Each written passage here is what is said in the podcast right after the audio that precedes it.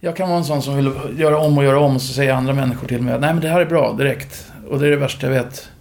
När jag vet att det går att göra lite bättre.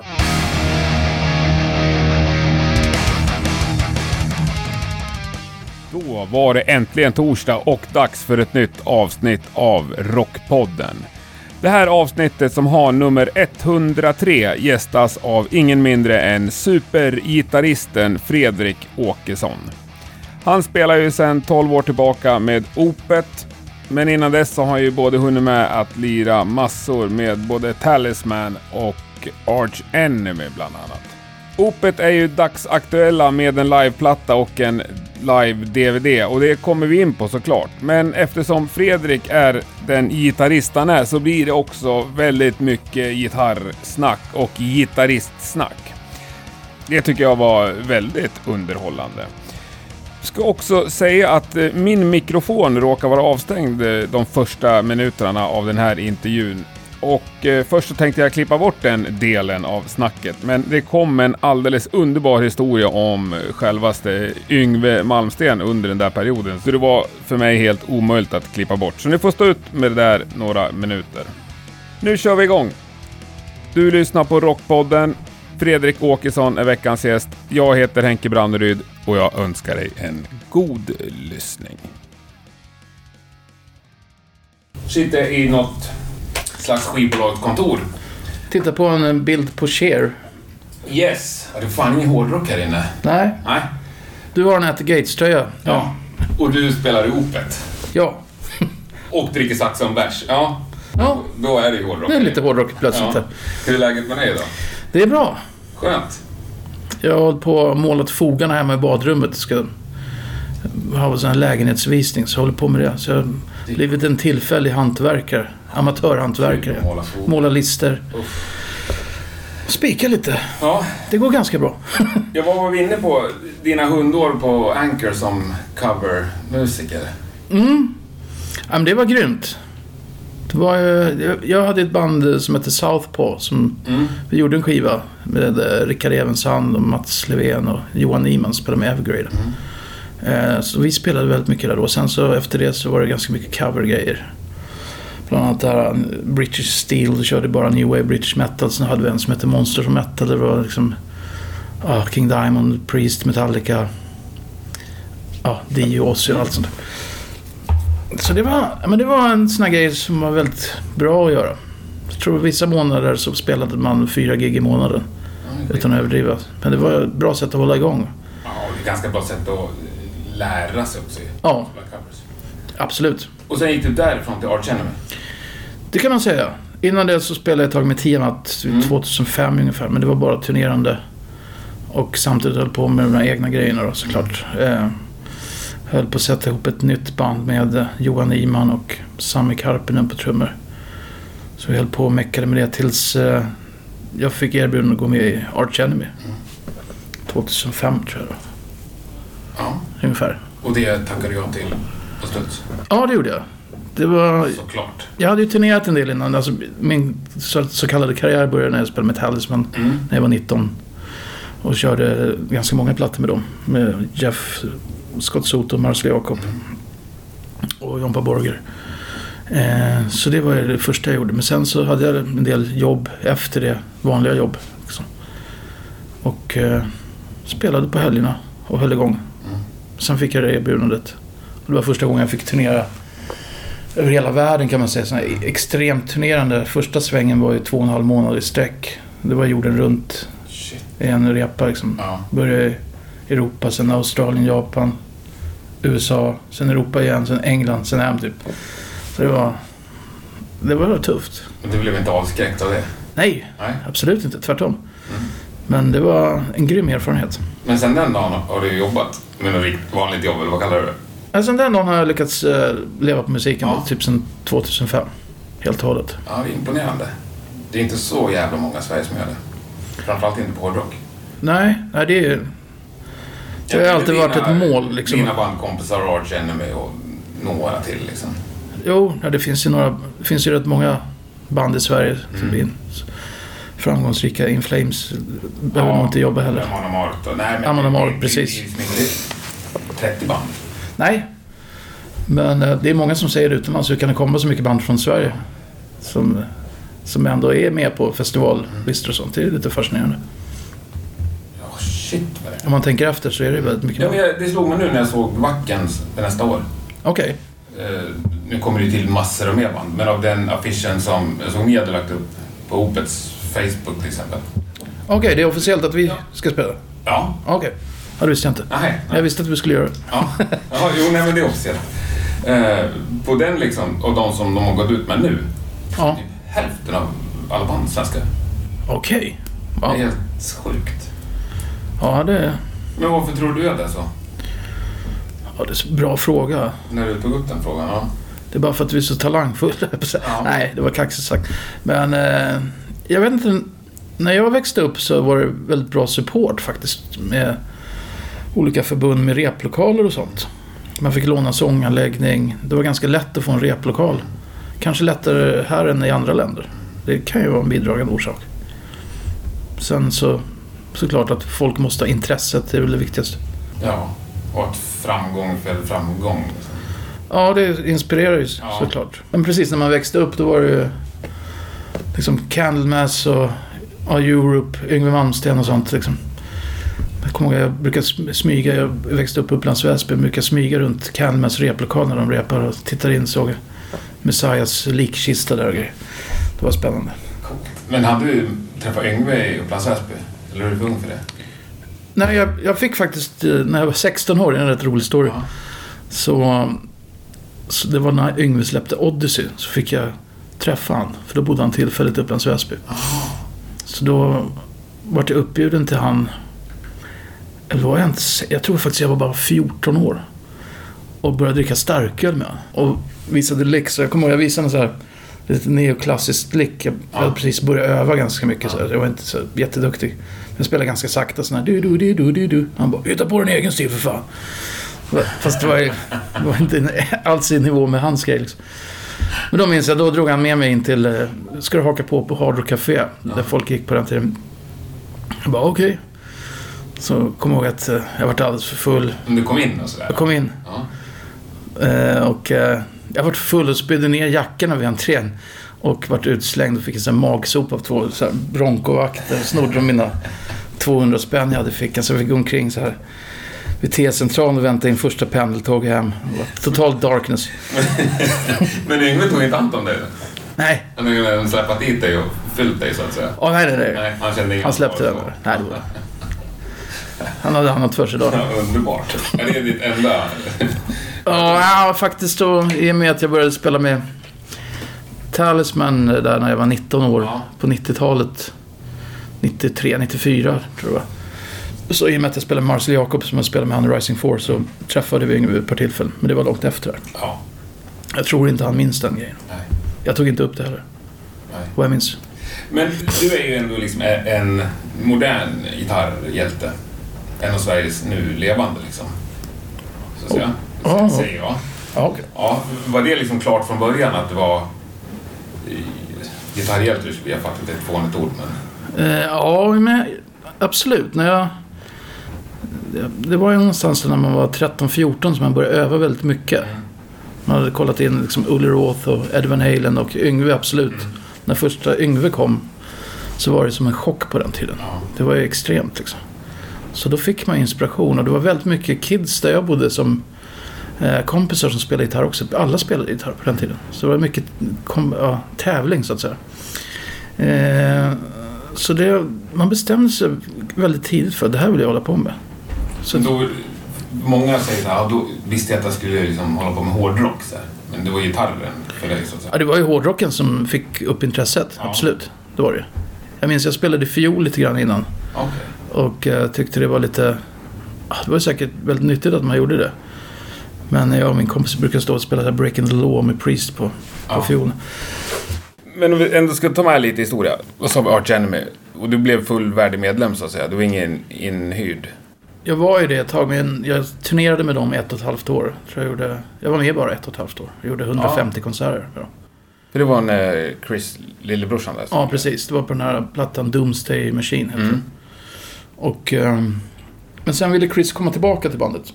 Så då, då fick jag gå helt enkelt. Ja. Sen tre månader efter det så ringde Mikael Åkerfeldt för att göra en längre historia kortare. Mm. Eh, och frågade om jag ville börja med Opet. Vi hade turnerat ihop innan det på Gigantor i USA med Megadeth. Den här med, Ja, då var vi Arch Enemy, Opet, Overkill och Lamb of God och Megadeth. Mm. Eh, så då hängde vi en del då. Och Kom, ja, det var bra häng sådär. Sen så hade Micke och jag snackat om att vi skulle jamma, så gjorde vi det. När vi kom hem vid något tillfälle, jag åkte över till hans, till hans eh, ställe då. Så satt vi och lirade lite så visade han opet riff så jag tror han liksom testade mig lite hemligt sådär. Men jag kunde Ja, lira Deliverance-riffet. Så. Ja. så jag bara, ah, det var lite annorlunda riff. Det var lite mäckigt tyckte jag.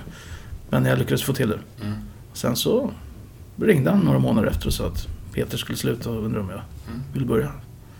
Och det var ingen tvekan där heller. Det var ingen tvekan. Jag var ett stort fan av bandet innan. Ja. Liksom. Gick och köpte Opet-plattor också. Så det passade mig väldigt bra musikaliskt. För det var utmanande också. Men var du så pass liksom världsvan på den tiden så att du bara tog det coolt eller var du liksom nervös? Så? Det är klart det är pirrigt. Ja. Men, hoppa på en ny... Det är en, det är en stor grej liksom. Och de var ju stora då, precis. Ja. Ja. Så att, eh, men de var väldigt schyssta. Vi kom väldigt bra överens eh, kemimässigt Mm. snabbt. Man kände att det var en bra kompisanda helt enkelt. Mm. Så det var... Ja, det var roligt. Jag vart inte så stressad. Jag och Micke spenderade mycket tid att spela gitarr. Ja. Så att man skulle få in liksom... Han har ett väldigt originellt sätt att skriva Mm. riff och sånt på. Så det var ett annorlunda tänk. Han har annorlunda timing-tänk och sådär. Liksom lite mer bakvänt. Mm. Det är inte det där uppenbara. Som man känner alltid liksom. Nej.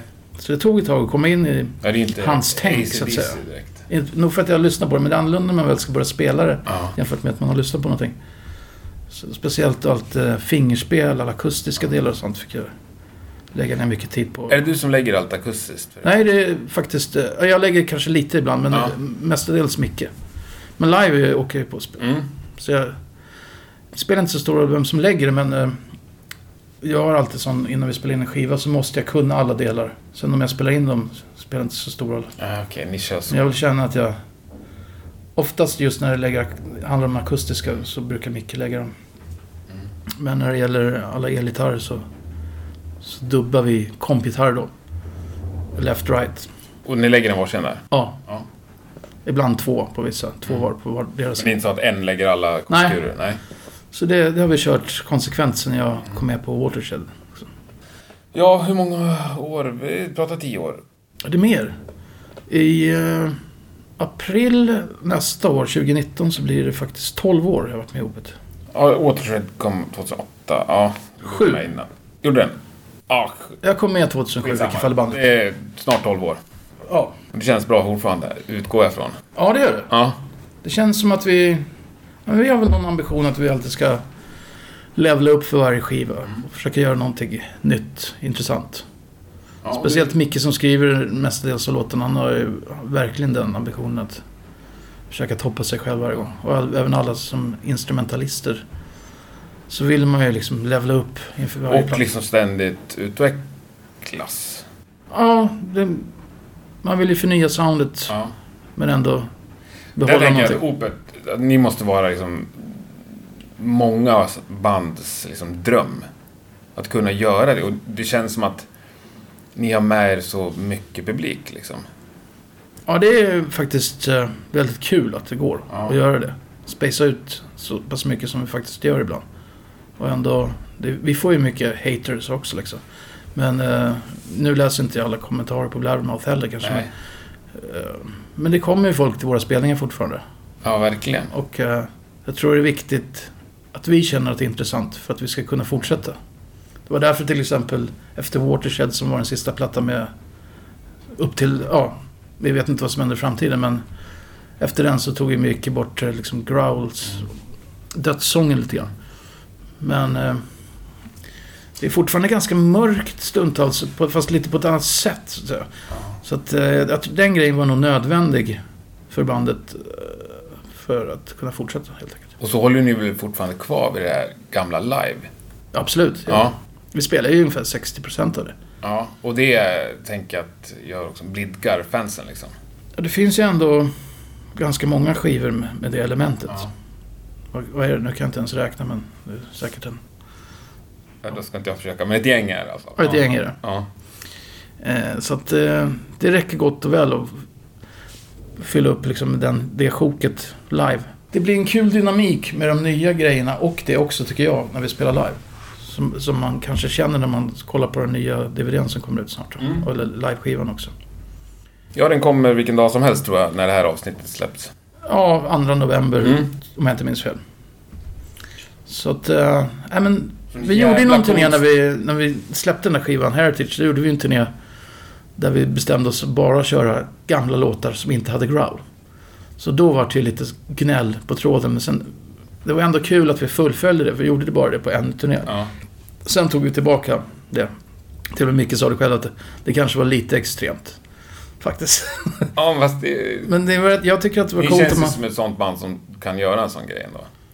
Ja, jo, det är, det är fantastiskt vad man kan komma undan med. Ja. Jo, men där har ni ju en lite, lite unik position tror jag. Alltså lite så här som Beatles. Ni kan ju vara fan ni vill. Mm. Och det är ändå opet. Det är lite det som är opet. Ja. Men det är ju nästan ingen som det. lyckas dra den grejen, tycker jag. Nej, nej, det... Det Många band vill ju, men det är få som lyckas, tänker jag. Mm. Ja, det är fantastiskt. Att man får, får hålla på och experimentera så pass mycket. Ja. Vad ska jag säga? Jo, men jag skulle bara säga om DVD. Ett coolt ställe att spela in den på. Väldigt coolt. Vi hade ingen, ingen riktig koll på det här förrän vår manager tog upp idén. Så kollade vi upp det på nätet. Så bara, wow, det här är perfekt. Ja, liksom insprängt i, bland så här Red Rocks klipper. Ja, det, det är magiskt. Promenera omkring där på dagen. Vi kom ju dit tidigt på morgonen. Då var det ganska varmt på dagen, men sen när, när gigget började vart vi lite... Bara, nej, för då var det nollgradigt. Det var svinkallt. Så det var ju nästan problem att spela vissa grejer. Ja, och med gitarrer, jag stämning alltså och sånt där. Ja, det gick ganska bra, men eh, sen kom det igång en storm in på tredje låten. Det ser man på DVDn. Det började blåsa rejält. Så det här var ju ett par gubb som fick hänga i den här bildskärmen vi hade bak som vi visade projektioner på. Ja, så att den inte skulle svaja för mycket. Ja, så det var ganska extremt faktiskt. Men Shit. det bidrog till en ganska skön energi. Ja, Men man vart ju lite sådär innan vissa mer tekniska partier bara... Fan, hur ska jag kunna sätta den här grejen nu? Nu är du istappad i fingret liksom. Så vi var lite oroliga när vi gick av scenen, minns jag. Men sen när vi lyssnade på det så var det inte så illa som vi trodde faktiskt. men var det sittande publik? Ja, det, var- det är som bänkar, Ja. så folk stod också. Ja, det ser ut som, lite som Dalhalla. Ja, exakt. Ja.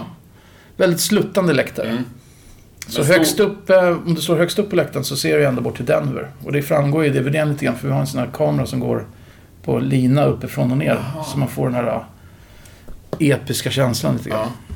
Så det är också det att de tidigare Opets DVD är alla inspelade i England.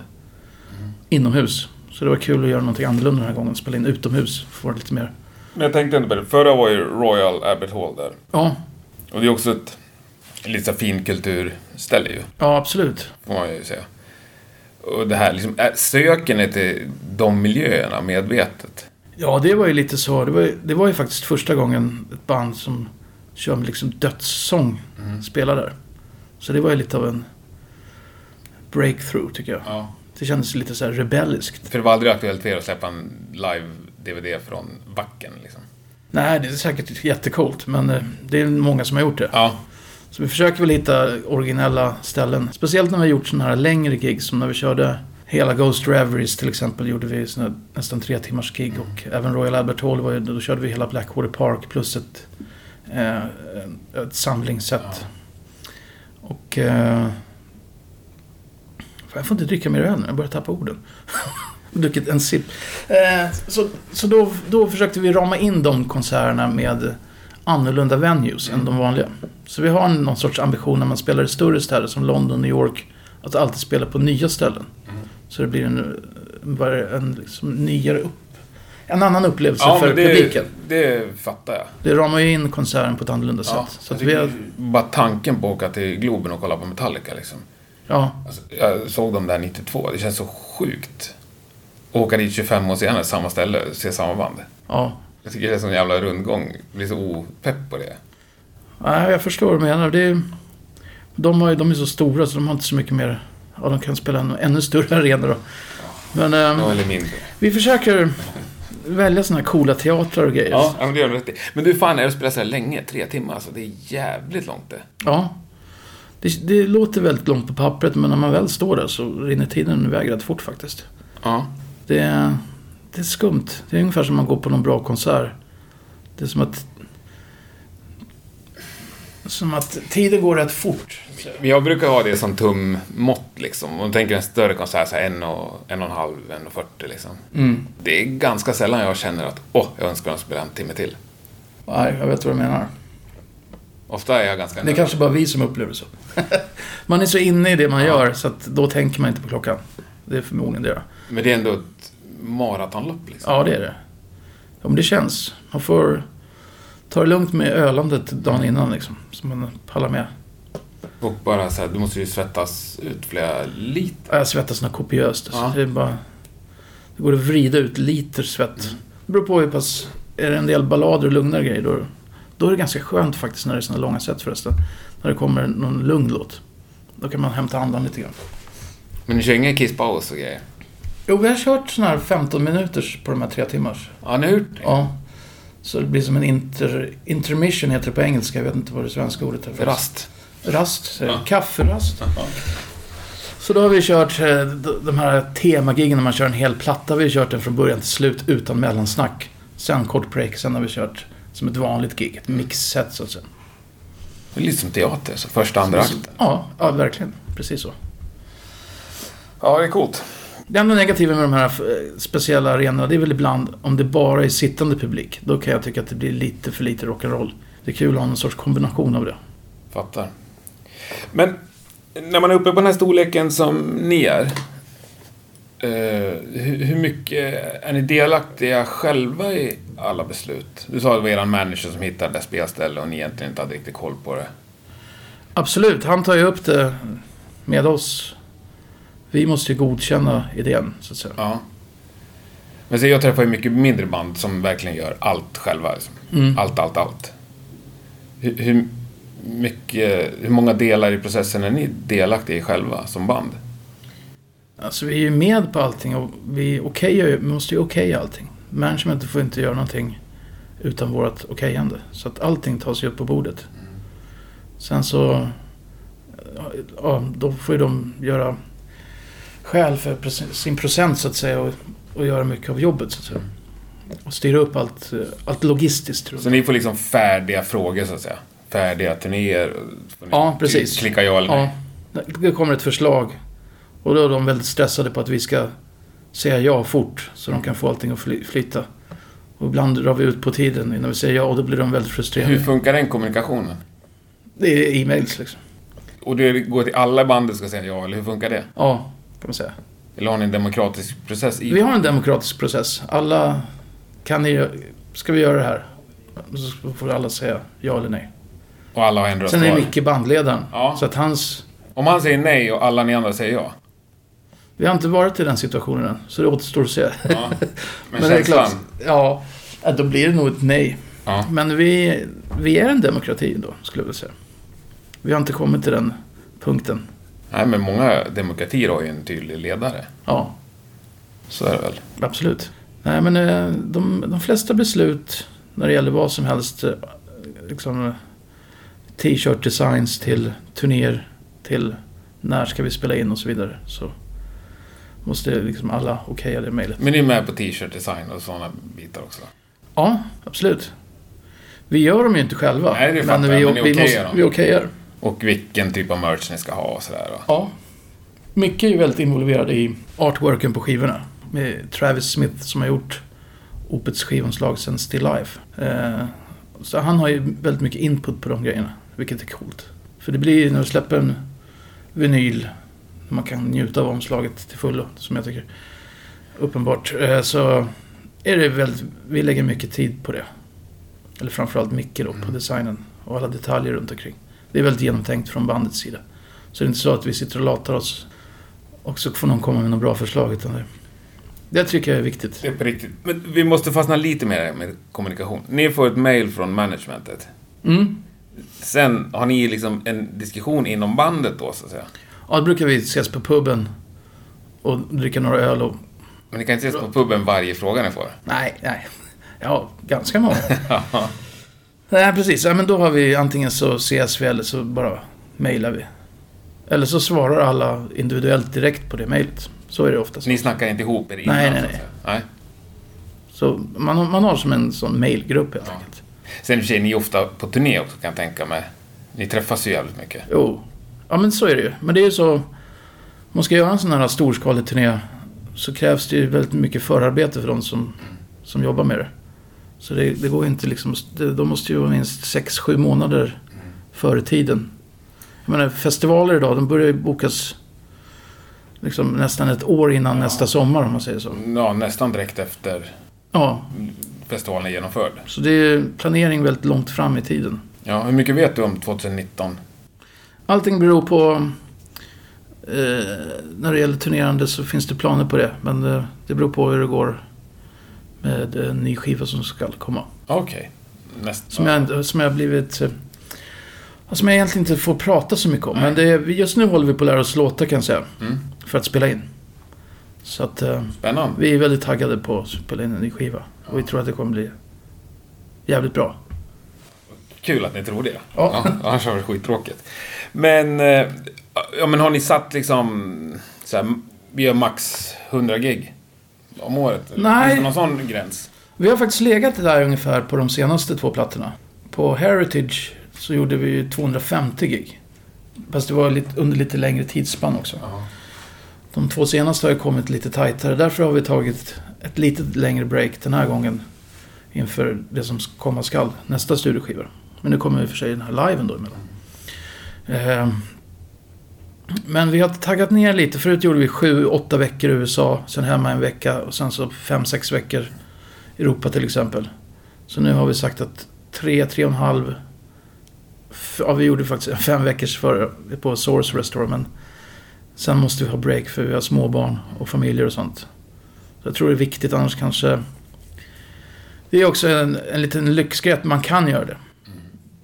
Det, det kan Ja, ju vara så såklart. Att man inte kan välja heller, om man säger så. Men vi har lyckats lägga upp det på den. Så vi turnerar lite mindre, men ambitionen är att förhoppningsvis spela lite mindre men lite större ställen. Så det, men vi har spelat en del eh, intressanta ställen på den senaste svängen. Som Radio City Hall i New York. Och sen Operahus i Sydney. Och, Har ni lirar ni där? ja, Det... så det var ju jäkligt häftigt alltså. Ja. Och eh, sen Massey Hall i Kanada där eh, Rush gjorde sin Exit Stage Left live-platta till exempel. Och Wembley i London. Nerskalat Wembley dock. 4000 pers. Då kan vi skärma av. Ja, men ni lirar ändå på Wembley? Ja, Ja. så det var... Så vi försöker ju någonstans liksom levla upp hela tiden. Men Ja. Men trivs du på turné? absolut, jag gillar det. Jag gillar framförallt att spela konserterna. Det, Det är en gillar, ganska liten del av... jag gillar mer att åka turnébuss än att... Till exempel när man åker ja, Sydamerika och Australien och sånt. Det är väldigt roliga konserter. Men att bo på hotell och åka, flyga mellan varje gigs. Det är slitigt. Jag gillar att vara på turnébussen. Man bara matar på. Liksom. Komma in i det där lunken. Det är också lite skumt efter man har gjort en längre turnébuss-sväng eller turné när man kommer hem och går in i den här vardagliga rollen. Liksom. Det livet är ju lite av en kontrast. Jag kan tänka mig, jag har aldrig provat det, men ja. Ja, det tar någon vecka. Speciellt om det är jetlags och grejer inblandat. Men Mm. ska man upp på förskolan och lämna tidigt på morgonen bara... det är två olika liv. Ja, och dagen innan precis. Så att, ja, ja, ja, det måste vara en spännande grej. Men vad är viktigt för er när ni är ute på turné? Eller för dig? För, för oss och för mig att vi ska ha roligt. Så att vi känner att vi inte bara gör det för att maintaina en business. Det är liksom... Vi ska ha kul. Men jag kan tänka, ni har ändå hållit på så pass länge och kommit upp till den nivån så ni kan ställa lite krav liksom. Ja, alltså, vi är inte... Vi är ganska enkla. Vi är inte så krävande tror jag som band. Nej. Och pimpinetta av oss, det är vi inte. Vi är ganska kött och potatis. Mm. Vilket är rätt skönt faktiskt. Ni käkar det som erbjuds så. Ja, vi håller inte på Nej. som svinar allt för mycket. Det är de här pizzorna efter gigget som man inte bör äta. Ja, men det är ju gott. ja, det är gott. Äh, men det är framförallt att ha kul och framförallt att, att göra bra konserter. Är viktigt för oss. Men vad behövs för att det ska bli en bra konsert? Om ni kommer till ett spelställe, bussen glider in på förmiddagen. Ja. Nej, men det är väl drömmen egentligen... att det ser ut så att säga? I loge och sånt där. Ja, är det, alltså, i, USA kan det vara rätt sunkigt på vissa ställen. Liksom. Det kan ju variera ganska mycket. Även i Europa, i Tyskland kan det vara. Men då kan man ju bara hänga på bussen och kolla på, på Netflix eller någonting. Kolla på Game of Thrones. Och sitta och vänta. Det är mycket väntande. Det är därför det är konserten som blir höjdpunkten på kvällen. Och sen så den här adrenalingrejen efter man har spelat klart. Och dricka en bira och så snacka lite. Sen börjar man om igen. Så går det runt runt. Dricker ni någon bira innan? Nej, ingenting. Noll? Vi, har, vi dricker 0,0 innan gigs. Är det beslutat eller har det bara fallit sig naturligt? Det har hänt någon gång att vi, när vi är väldigt trötta och turnerat mycket, att vi har dragit en liten whiskypinne var. Bara för att få igång någon sorts pepp liksom. Ja. Men det var rätt länge sedan nu faktiskt. Så vi, det är inte så att folk, om någon vill dricka en bärs till lunchen, det är inte så att det kommer någon med en pekpinne sådär. Men eh, jag tycker det känns bättre. Det känns bättre att dricka bira efter giget. För då känns det som en belöning för något som man har gjort. Ja, det är ju moget. Sen är det ju ganska trist om man, om man har folk som gillar bandet som går dit och betalar en, en biljett och vill se ett gig. Och så är det någon som börjar ta, liksom göra bort sig på grund av att man druckit bira. Det, det är inte okej tycker Nej, jag. det är inte någonstans. Det är respektlöst. Verkligen liksom. Och jag tänkte säga framförallt så är det det spelar fan ingen roll om det är Guns N' Roses eller något sånt. Jag tänker, som är mer fyll-image. Men man tänker, ni antar jag drar till det sjukt mycket musiker. Ja, jo det är nog Många säkert. gitarrister i publiken varje kväll. Det kan det vara. Trummisar säkert också. Ja, absolut. Och då är det liksom... Nej men det är ju lite så. Ja, och då är det ännu värre om du skulle stå och packa liksom. Ja, Det går inte. Nej, det går det är för intrikata partier. Liksom, hopp- speciellt när det kommer sådana här fingerspel och... Det, det behöver inte vara den snabbaste, mest extrema grejen som är svårast. Utan det kan vara när man är utlämnad och ska spela ett litet parti själv. Och det bara är du. Så det kan vara darrigt. Jag upplevde det själv någon gång när man har druckit för mycket dagen innan. Vi spelade i Tyskland i den här Loreley-klippen en gång. Eh, och då hade vi festat loss dagen innan och jag skulle spela en, ett plock som jag kan spela i sömnen annars. Det är inte svårt. Och jag hade inte druckit innan giget såklart. Men det satt kvar vet. Så att jag började liksom krampa ihop och darra. Och kände det som att marken vek sig under mig. Det var en väldigt jobbig känsla. Som att jag kommer fucka upp det här. Det är kört. Jag höll på en hjärt, får en hjärtattack nästan. Så det var vidrigt. Men tog du igenom det? Jag tog mig igenom det. Ja. På nöd och näppe. alltså. Men den svettattacken var ingen lek. Alltså. Men är det mycket så här gitarrkillar som kommer fram till dig och som liksom kontaktar dig? Ja, det händer. Det händer. Det är, det är bara roligt att snacka gitarr. Ja. Det kan man ju babbla om hur länge som helst. Ja, du är sån som kan snacka... Nej, men det är ju, jag är gitarrnörd kan man ju Ja. säga. Liksom. Jag tycker det är kul. Med prylar och, och själva spelet också för en del. Men är prylar roligare Äh, spelet är roligast. att snacka om så att säga? Ja, eller både och. Både och. Men du kan snacka stärkare och strängar och... Ja, det finns, Nickar. jag, jag säger inte att jag är någon expert, men man har hållit på med det rätt länge. Det, det handlar ju mycket om smak, vad man gillar själv såklart. Men du vet såklart vilka mickar du har på din gitarr. Ja, det är klart jag gör. Du vet hur många varv de är snurrade liksom. Är vi nere där? Nej, det vet jag kanske inte faktiskt. Men du har ungefär... ja, några tusen. Ja. det har jag faktiskt inte världens benkoll på. Men eh, ja, det finns internet. Ja, jo. Men har du en signaturgura? Vi hade ju på PRS, eh, både jag och Micke, signatur ett tag. Men de har dragit in den nu. Den var ute några år, sen tog de tillbaka den. Så vad lirar du på nu då? Eh, jag spelar på PRS fortfarande. Men det här var en sån här SC-modell som var lite mer... Ja, den hade bättre pris. Den låg runt 7000 kronor. Så att, eh, men det var rätt kul. Jag har fort, fortfarande den kvar, men vi kör på såna här gitarrer som har två outputs på kroppen. Så vi har en för piezo mic som simulerar stålsträngat akustiskt ljud. Ah, okej. Och den andra går till el, elgitarrförstärkaren då så att säga. Så antingen har man den ena eller den andra eller olika kombinationer av båda. Men kör ni med riktiga stärkare på scen? Absolut. Ja. Ja. Vi kör Marshall eh, JVM Joe Satrian nu för tiden. Sen håller jag faktiskt på med en liten rolig grej. Jag håller på att designa en gitarrförstärkare upp med Olsson Amps. Som Jaha. ligger i Västertorp, Ja. kroken där jag bor. Eh, som, eh, jag var nere på fastmässan och demade den. Den kommer väga runt eh, 8 kilo och är liksom en riktig 50 watts. Har du tid för sånt här? Ja, ja, jag har tid. Det här, är- jag tycker det är underbart. Ja, kör. Så vi har hållit på jättemycket med den här över ett år och den ska väl förhoppningsvis gå i produktion nu i höst. Så den kommer heta 747. För att du ska kunna flyga med den som en carry-on på flighter. Men det är en riktig rörstark som har el-34 då. Så den levererar 50 watt rörtryck. Vilket räcker till. För vi har gjort så mycket gigs i Sydamerika. Man kommer dit. Till exempel eller Australien. Så det börjar bara ryka om förstärkaren. Och så tar du med något digitalt substitut. Jag går på gigs ibland och det är så många som använder de här icke-riktiga förstärkarna. Och jag i vilket fall upplever att jag tycker att det saknar den här kärnan som det är en riktig rörtopp. Så därav kom den här idén upp.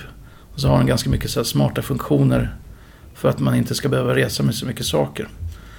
Som till exempel inbyggd noise gate. Eh, två kanaler, en high gain och en ren. Och den rena kan du... Har du ett annat läge på där du har som en crunch ACDC gain. Eller bra bluesrock gain. Sen så har du high gain som är två separata gain och två separata volym. Så du har liksom din lead boost klar från komp till solo. Mm.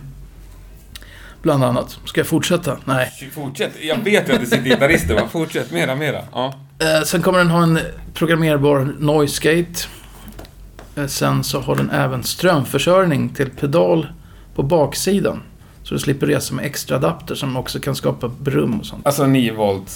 Ja, på Ja. 750 mAh. Så den kan ju driva någon sån här multipedal eller flera boxar om du Ja, kör ja. så här förgreningssladd. har pedalbord liksom. Och sen har den två mastervolymer.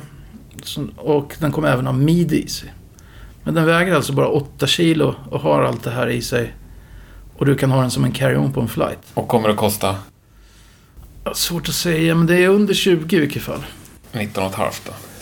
Det lät ju ganska dyrt. Men det, ja. Ja, men det är ändå... Men kommer det tillverkas i Sverige? Ja, ja. Ja. De tillverkar det själva också. De Ja, det är Olsson till- Han har ju gjort... Ja, men de designar inte och sen skickar tillverkningen till Kina liksom. Nej, Nej. den, det, det är planen. Mm. De håller på med det där. Men det har varit väldigt intressant. Vi har på väldigt mycket att få den rätta gain-strukturen på det distade soundet. Så det har varit jätteroligt. Jag har suttit och riffat, bara kört samma riff. Och så John då heter, John Olsson är Mm. eh, chefen bakom denna konstruktion. Sen är det en annan kille som heter Andreas som har gjort designen. Han jobbar även med Marshall, som är bluetooth-högtalarna. Okej. Så, ja. så det är väldigt lokalt. Vi bor alla i samma område. Så vi brukar ses på puben och snacka igenom, spåna igenom lite idéer. Så, vi, så det är faktiskt skitkul. Så man kör ett riff bara, du den här mitten den är lite, kan du kolla, kan du göra något åt det där? Så kommer han tillbaka efter två minuter, ja testa nu då. Så bara, ja, ja där är den. Nu är det accept-tugget här, perfekt. Shit, vad underbart. Så vi har lagt ner väldigt mycket tid på det, det har varit måste roligt. ju vara en gitarrnörds dröm också för att designa en egen. Ja, fantastiskt kul. Och sådär liksom, det blir lite påkostat. eh. Men idén kom som sagt efter de här gigsen. Det var Ja. något gig vi gjorde i Australien där liksom både, båda, våra, båda våra förstärkare bara bröt ihop. Man vill inte stå där med brallorna nere. Det är, ingen, det är inte alls kul.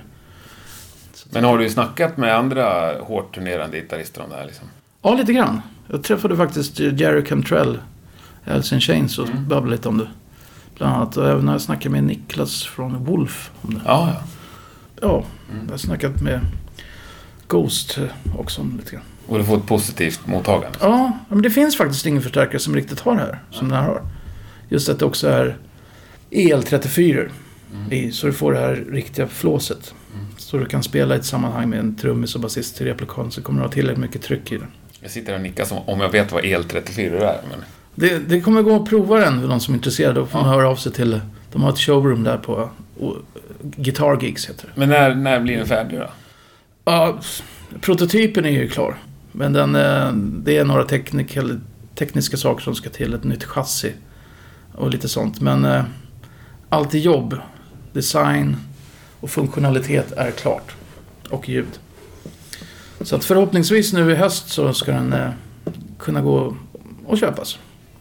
Ja. Det är ett litet företag så det är ju... Han gör ju väldigt mycket butikförstärkare annars. Och, men också, det blir ju korta beslutsvägar. Det går ju snabbt, tänker jag. Ja, Mm. så det, är- det är spännande. Men det, man kan höra av sig till Guitar Gigs om man vill prova den. Så finns det ett provrum där. För de som är, bor i stan och vill Ja. testa. Ja, eller är i Stockholm. hur, eller vill åka hit. Att du är gitarrnörd, liksom, hur tar det sig uttryck? Tar, du, tar det sig uttryck på något fler sätt? Man spelar mycket helt enkelt. Mm. Du lirar fortfarande mycket. Ja. Jag vill inte tappa den där grejen. Jag försöker ha kvar den där grejen som man hade när man var 16 år. Mm. Sen varierar det såklart. Ibland så hinner man inte spela så mycket som man kanske skulle vilja. Men lirar du varje dag? Ja, Du gör det? Det gör jag. Jag brukar alltid sp- spela på morgonen en till två timmar. Gjorde du det i morse? Ja, det gjorde jag. Faktiskt. Vad, vad lirar du för något då? Jag sitter faktiskt och repar på nya låtar. Ja, okej. Bland annat. Sen så... så jag har två sådana långa Paganini-stycken som jag och en kompis som heter René tog ut när vi satt och gitarrnördade Ja. ute i Upplands Väsby för 300 år sedan. ja, det är lite yngre. Han körde ju mycket Paganini. Ja, de är så här, jättebra uppvärmning, mycket konstiga, kom, jobbiga intervallhopp och så här. Den är bra för att bara liksom hålla igång. Annars så, det finns ju spelare och så finns det öva. Alltså, om man ska utvecklas då försöker man ju lära sig nya grejer såklart. Då, det hjälper ju inte att man sitter och spelar allt som man kan då. Men ibland måste man ju repetera bara för att underhålla också. Liksom. Så det varierar lite. Ibland har jag sådana här perioder när jag verkligen bara vill försöka utvecklas och förstå lite mer grejer. Då brukar jag gå in på lite så här, så här jazzgrejer och sånt. Som man kan anamma inom en, en hårdrocksvärld också så att säga. Där finns de mest intressanta grejerna tycker jag att hitta. Eller blues. eh, Sånt. Ja. Coolt. Jazzblues. Är du nojig med dina händer? Nej.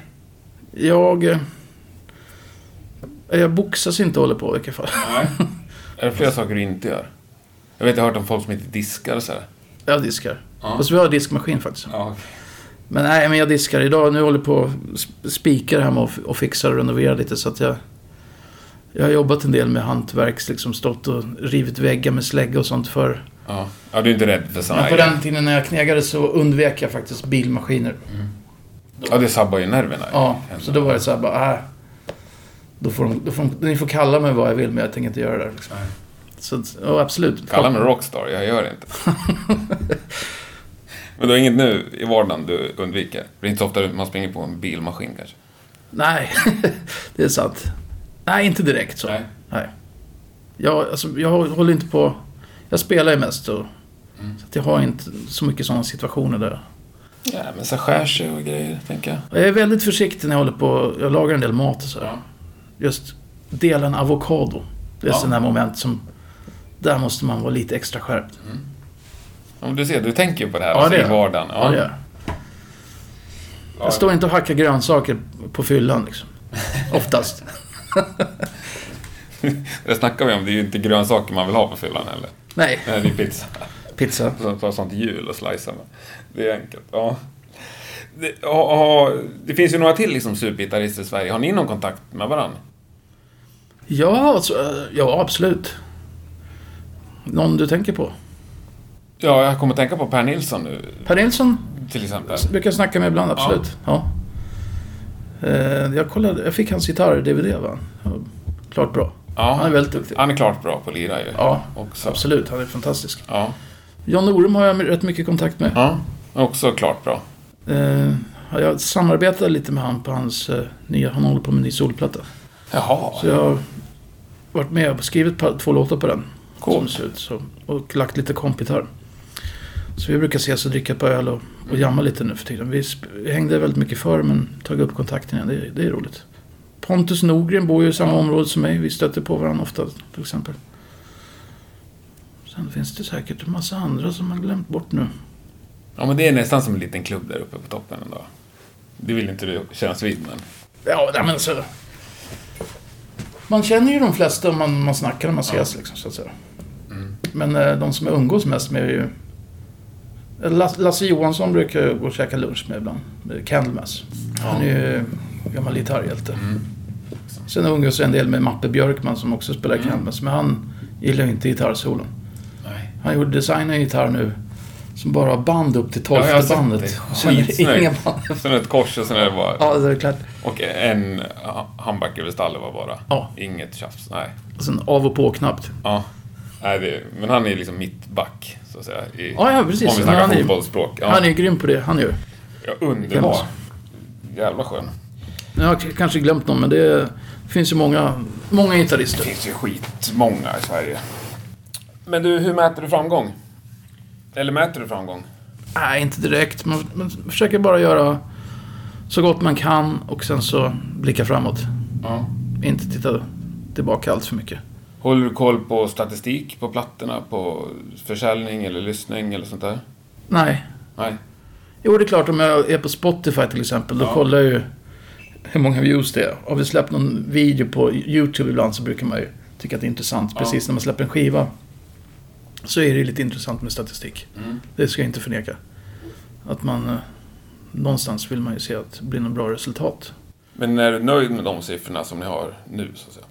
Ja, alltså jag är ju bara nöjd att kunna få göra det man vill. Mm. Det har alltid varit liksom första mål. Sen är inte vi några miljonärer liksom, men vi kan leva på att spela Mm. musik. Det, det var liksom första målet. Att man lyckas uppnå det är ju fantastiskt. Men tycker du att ni har nått så långt som ni är värda? Eller tycker du att ni är liksom lite underskattade? Jag tycker vi ska bli extremt stora. Ja. Nej, men det är klart att man har en ambition att bli så stor som möjligt Mm. som band. Eh, men eh, blir vi inte det så är jag väldigt nöjd som det är. Men man kan ju alltid kämpa för det. Så att säga. Jag tycker inte att vi på något vis har blivit så orättvist behandlade. Jag tycker det är fantastiskt som du var inne på tidigare att vi kan spela vad vi vill och det finns folk som är intresserade. Mm. Ja, och sen, för det är inte världens mest kommersiella musik. Nej, det, det är lite som med flit. Ja. Micke brukar ha såna grejer ibland. Han har en ganska lång låt med mycket olika partier. Sen, som han ser det, så är det en belöning på slutet. Kan det komma något sånt melodiskt parti. Som kanske någon annan hade utnyttjat tre gånger i låten som en refräng. Fast den kommer bara en gång. Om du orkat lyssna så här länge så får du en liten belöning i slutet. Det är schysst. Ja, det är lite coolt. Ja, underbart och, och att ni tänker på det sättet. Men det har varit mycket livesnack. Eh, Live eller studio som du trivs bäst? Både och. Jag älskar att vara i studio också. För det är, det är mycket mer kreativt. Såklart. Att man ser något ta form. Man börjar med bas och trummor till exempel. Så byggs det på som ett pussel nästan. Men hur stor del av en platta är klar när ni kliver in i studion? Alltså, Ja, det mesta skulle jag vilja säga. Ja. Det, det mesta är... alla dina solon är skrivna och sådär. Ja, det där är lite intressant för att jag brukar oftast... Micke brukar ringa mig när han sitter och demar. Kan du komma ner och lägga ett solo? Ja, visst. Jättegärna. Kommer ner och så kör jag något så tycker jag, äh, det där var inte så jävla roligt. Men han bara, jo det är bra. Då improviserar du såklart. Ja. Eh, vissa, några solon har jag liksom suttit hemma och hittat på ton för ton så att säga. Så det varierar lite, men oftast så bara kör jag. Men sen så fast, då tänker jag alltid, ja, men när, jag nu spelar in skivan, jag ska ta hem där, jag ska sätta mig och analysera, jag ska sitta och eh, kolla på och knåpa och knepa med detta. Men sen när man lyssnar på den här demon så börjar man vänja sig vid det här solot. Och sen ibland kan det vara ganska svårt att ta ut vad jag har improviserat. För man bara kör någonting. Så det är ungefär vad jag sitter och håller på med just nu faktiskt. Sitter och tar ut dina Ja. egna improvisationer. Så får jag ta ut de improvisationerna och sen får jag ta det därifrån. Se om jag kan ja, putsa upp dem. Men Oftast så, vill så gillar han dem, eller bandet dem som de är. Men Men ni lämnar inga liksom, svarta hål inför studion? Så här, det där löser vi studion. ja, lite, lite grejer. Vi kan göra det. Ja, Ja. lite... Ja, på förra plattan så lades det ju till två låtar i slutet som vi inte ens hade repat. Som var sådana bonuslåtar. Okej. Där körde vi bara så här jam i studion. Mm. Så det händer. Men på själva... De som ska utgöra själva skivan är det nog ganska förutbestämt allting. Mm. Sisånär på något solo här och där kanske det. Mm. Det dyker alltid upp någonting som improviseras fram i slutändan. När man väl är där, när man har gjort allting, så kanske man kommer på någonting att ah, vi kanske ska testa det där och det där på det. Det är väldigt roligt i studion. Men eh, mycket sådana här... Jag gillar att leka med sådana analoga ekos i studion. Göra sådana psykedeliska effekter. Sånt. Sådana grejer experimenterar jag ganska mycket med. Som inte görs på demorna. Ja. Eller har gjort i vilket fall på de två senaste. Jag fattar. Ja, det finns ju lite mer utrymme för sånt. Ja. ja. Det är väldigt kul också. Att Leka med ekos som oscillerar är fantastiskt kul. Ja. Jättekul. Eh, vad, vad säger ni nej till? Som band? Vet, ja, det vet du såklart.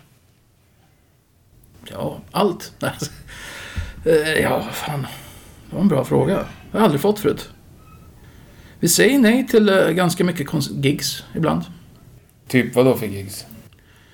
Om det inte är... eh, I och med att vi har hållit på så pass länge. Om det är gigs så, som vi märker att vi inte liksom... Om vi bara går plus minus noll på så säger vi ofta nej till dem. Även Och om det kan det då är det pengarna som styr. Ja, för att eh, vi har alla småbarn och måste åka bort. Det måste liksom vara berättigat. Vi har gjort väldigt mycket plus minus noll. Jobba upp grejer förr. Åkt över hela Asien och bara gått plus minus noll. Alltid roligt att spela konsert men det är också väldigt eh, slitigt att liksom fara runt sådär. Vi säger nog nej till rätt mycket så tv-grejer. Eller vi får aldrig några tv-erbjudande förresten. Men vi är nog ganska... Ja, för fan.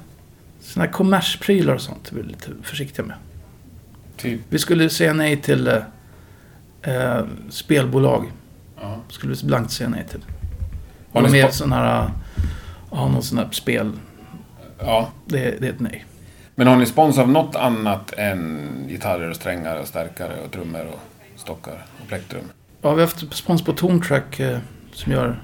Men det har ju inspelningsrelaterat Ja. också. Det är kanske det du menar. Eh, vi hade någon spons på Converse-skor vid något tillfälle när vi var i USA. Men det, vi fick ett par varsina skor så var mycket med på en bild. Som våra manager övertalade. Men det var, vi var väldigt skeptiska till det. Så nej, nej. Det här är inte bra. Men ingen klädspons? Nej. Nej. Men ni är ju ganska jeans och t-shirt. Ja, vi är inte så extravaganta sådär. Vi har i stort sett på samma kläder som vi har privat på scen. Eh, Men får du ha på dig vad du vill? Ja, men alltså vi har väl lite sådär, vi, vi klär oss mörkt liksom. Så. Ja, jo, men så, svarta jeans och svart Ja. band-tisha ofta, va? Eller Ja, det- musikrelaterad tisha. Jag brukar, ja precis. Det brukar det ju vara. Men Eller jag brukar oftast ha helt svart, men... kan du tänka dig en situation där du kommer med fel band-tisha och någon i bandet säger nej, den där kliver inte upp med liksom. Det, det, jag får ju lite Tourettes syndrom när du säger sådär, det är roligt. Ja. Men en Britney Spears. Ja, men det är nästan så anti så att det är bra. Ja. Okej, då vad tar vi då då? Ja, men filmtröjor kan vara kul. Ja. Goonies. Ja, men- Metallica-tisha, skulle du få ha det på scen? ja, säkert. Absolut. Om den är original och gammal. Ja, men det är en ny. Senaste. En ny, senaste. Ja, ja, men jag tror det finns inget så här... Nej. Däremot om någon skulle komma med en sån här designer skinnväst och sån här, då, då är vi lite så här... Ja. Vår keyboardist Jocke hade det lite grann i början. Han hade sån här... Han spelade med Yngwie Malmsteen tidigare. Ja. Sån här blå, lite designer skinnjacka. Då var vi lite så här, äh, ska du verkligen ha den? Han hade den då, så att han bara... Det var rätt coolt av honom att han stod på sig. Ja. Vart det för mycket image då liksom? Fick ni eller? Ah, det- Det var väl inte riktigt... Det var väl lite för glammigt kanske. Ja. stenhårt. Men annars, eh, något som vi har haft spons på, det är, vi har ju gjort öl en gång. Om man går utanför Ja. musikgrejer. Det är väl liksom det enda vad jag vet. Hoppas jag inte skjuter mig själv i foten nu. Som Ja. vi liksom har känt att vi kan sätta vårt varumärke på. Mm. Det finns många som säger ja till allt. Bara för pengar. Det, ibland kanske inte det är värt det. Är intressant. Vem är den mest musikaliska person du har lirat med? Det är jävligt intressant för du har spelat med så sjukt många. Den var bra. Bra fråga. Det finns olika typer av musikalitet. Jag, Mikael Åkerfeldt tycker jag är sjukt musikalisk. Som... Eh, han är ingen improvisatör. Men han är ju en otroligt bra låtsnickrare och otroligt bra timing. Stor respekt för hans musicerande. Jag fick vara hemma hos Frank Marino en gång från Hogan Rush. Mm. Otroligt musikalisk människa. Stor respekt för honom. Du lirar aldrig med honom? Nej, Nej. det räknas inte då. Jo då, du får svara hur du vill. Det finns inga regler här. Ja, man har träffat så sjukt mycket folk. Det var en väldigt bra fråga. Jag vet att det finns något som jag tänker på, men jag tappar bort tråden där. Jag jammade på någon gång på en sån här musikmässa med två, två bröder som var där. Jag var där med PRS-gitarrer och spelade. Så kom det sån här spontan jam. Kan du gå upp och köra lite bara? Superläskigt. Och de var såna här fusion-proffs som hade spelat med, inte Chick Corea, men ja, Dennis Chambers och ja, you name it. Nu kommer jag inte på namnet på dem. Men två svarta killar, de spelade med Diana Ross. Två bröder. Eh, Det var imponerande, för de hade sånt jäkla sväng och de var så lyhörda så det var bara... Jag kände mig novis, men jag lyckades höfta till någonting så att det vart... Folk verkar digga det i vilket fall. Coolt. Det var väldigt utmanande. Ja. Granger heter efternamn. Gary heter basisten, Gary Granger. Alltså känd fusion-gubbe. Svindålig koll på fusion-världen faktiskt. Men du, ja, det här kommer jag på nu. Vem är den mest drivna musiker du har träffat då? Eh, jag tycker Mike Amott är väldigt driven. Ja, Väldigt målmedvetet. Ja. ja. Det känns så också från utsidan. som en... Eh, han har... Eh, och sen så eh, Tobias Forge, Ghost. Umgås jag en del med. Också väldigt driven. Uppenbarligen. Uppenbarligen, ja. Och det går skapligt bra för båda två. Ja. också. Men blir du stressad? Om du lirar ändå med Arch Enemy ett tag. Liksom, blir du stressad av hans driftighet? Eh, Eller liksom, är det roligt? nej, jag blir, jag blir inspirerad av det. Jag försöker själv vara väldigt driven. Eh, så ibland när vi har långa breaks så kan man bli stressad. Och då brukar jag sitta och spela in andra idéer. Mm. Men jag tycker det är inspirerande med drivna människor. Absolut. Mm. Coolt. Nej men vad fan, nu kommer de här och vinkar fem minuter. Då, då kör vi en snabbis. Mm. Av det som förekommer vanligt, vanligt förekommande, återkommande saker i ditt musikliv. Vad är absolut tråkigast? Det är en stand, ett standardsvar, men det är ju faktiskt resorna. Kanske inte just tillfället när man sitter på flyget, för då kan man ju kolla på en film och kanske ta en öl och sitta och tjoa och tjimma lite. Men att sitta och vänta på flygplatser. Ja, vänta. Framförallt i de här eh, ja, migrations... Immigrations, när man ska gå igenom och stå i kö. Och det finns ingen AC och det är tokhett och det är superlånga köer. Man stå där i två först- timmar. Köpte ni första klasskön? Nej, nej, vi har inte råd att åka första klass. Inte än. Vad är absolut roligast då? Spela konserterna. Ja. Det är liksom... ja. Men då säger vi det. Vänta, det är ett poäng och live-gig är tio poäng. Ja, Så då har jag några snabbisar här bara. visst. Eller, repar ni för övrigt? Ja, vi repar alltid. I replokal? Ja, Ja. det gör vi. Vi repar när vi måste. Mm. Så inför en turné så brukar vi alltid lära in eh, massa nya låtar som vi inte har kört på länge. Mm. Det blir ganska mycket jobb. Men då är det proddrep. Ja, då kör vi två veckor kanske inför en turné. Och nu ska vi repa inför nästa skiva. Mm. Så vi brukar inte repa så mycket inför skivor. Mest eh, Martin Axelroth och Martin Mendes. Men nu, den här gången har vi tänkt att vi ska göra det som ett helt band. Men har ni en replokal eller hyr ni in er någonstans? Vi har en replokal. Ni har det? Ja. Vi har ett högkvarter. Ja, men då säger vi ändå repa. Hur kul är det? Jag gillar det faktiskt. Så 1 till 10 blir det. På ett parti på repa är en... eh, Det är en sjua. Stark sjua. Bra. Eh, ta bandbilder. Så pressfoton. Stark trea. Nej, trea. Trea. Slät trea. Eh, ja, ni har varit inne på. Spela in solo i studio. Tia. 10. Ja. Ja. Du har aldrig liksom ångest när du går därifrån? Du blir Jo. nöjd? Ja, eh, jag blir... Jag kan vara en sån som vill göra om och göra om och så säger andra människor till mig att nej men det här är bra direkt. Och det är det värsta jag vet. När jag vet att det går att göra lite bättre. Så brukar jag faktiskt säga till att jag vill vara själv istället. Första tagningen säger de bara, det här är skitbra, nu kör vi vidare. Nej, Då ni kast- måste gå härifrån. Då kastar du ut dem Ja. Det är rockstar. Åka turnébuss, Paris till Madrid.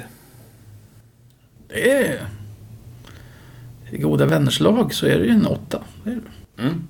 Det är en åtta. Om du tänker ett eh, perfekt venue. Allt är som det ska, det är slutsålt och sådär. Spela första låten den kvällen. 1 till 10 på den? Ja, den är ju... Den sista låten får mer poäng än den första. Ja, det är nästa fråga. Jaha, okej. Första låt... Ja, den får ju... Det är lite nervöst och pirrigt, men det är samtidigt en... Re, en release, så att säga. Ja. Så det blir ju en eh, åtta på det. Alltså. Ja. På första. Och sista då? då? Det blir en tia. Det är, inte- det är roligare med sista låten. Ja. Ja. Om gigget har gått bra så känns det ju rätt skönt. Om, eh, när man spelar den sista. ja. Och är det tre timmars gig, då är, känner man sig kanske klar också, eller? Ja, och då börjar man tänka på den här kalla ölen som står och väntar efter gigget också. Underbart. Belöningen. Sista då? Att bli intervjuad. Det beror på, men eh, dagens intervju blir en åtta faktiskt. Många bra frågor. Trevligt, tack som fan. Grymt kul att träffa dig. Detsamma. Tack. Nästa gång kanske vi kommer ihåg när vi sågs på, ses på Anchor. Ja, precis. Då kommer vi ihåg varandras namn. Ja, men skit i det. Det var allt eh, jag tänkte bjuda på idag. Stort tack för att du har lyssnat. Nästa vecka är Rockpodden såklart tillbaka igen. Då blir det ett helt annat ämne. Det är knappt att vi nämner ordet gitarr då. Men minst lika intressant kommer det såklart att bli. Det finns några schyssta tischer för att eh, uppmärksamma Rockpoddens 100 avsnittsjubileum. Köp en sån så blir du både snygg och är med och eh, stöttar Rockpoddens fortsatta arbete. Gå in på Facebook eller Instagram, eller varför inte Pindify, så får du tag i mig så löser vi det där. Det finns några exemplar kvar av alla storlekar utom XXL tror jag. Så, fram tills nästa torsdag önskar jag dig en fin tid i livet. Ha det gott och var rädda om varandra. Tack och hej.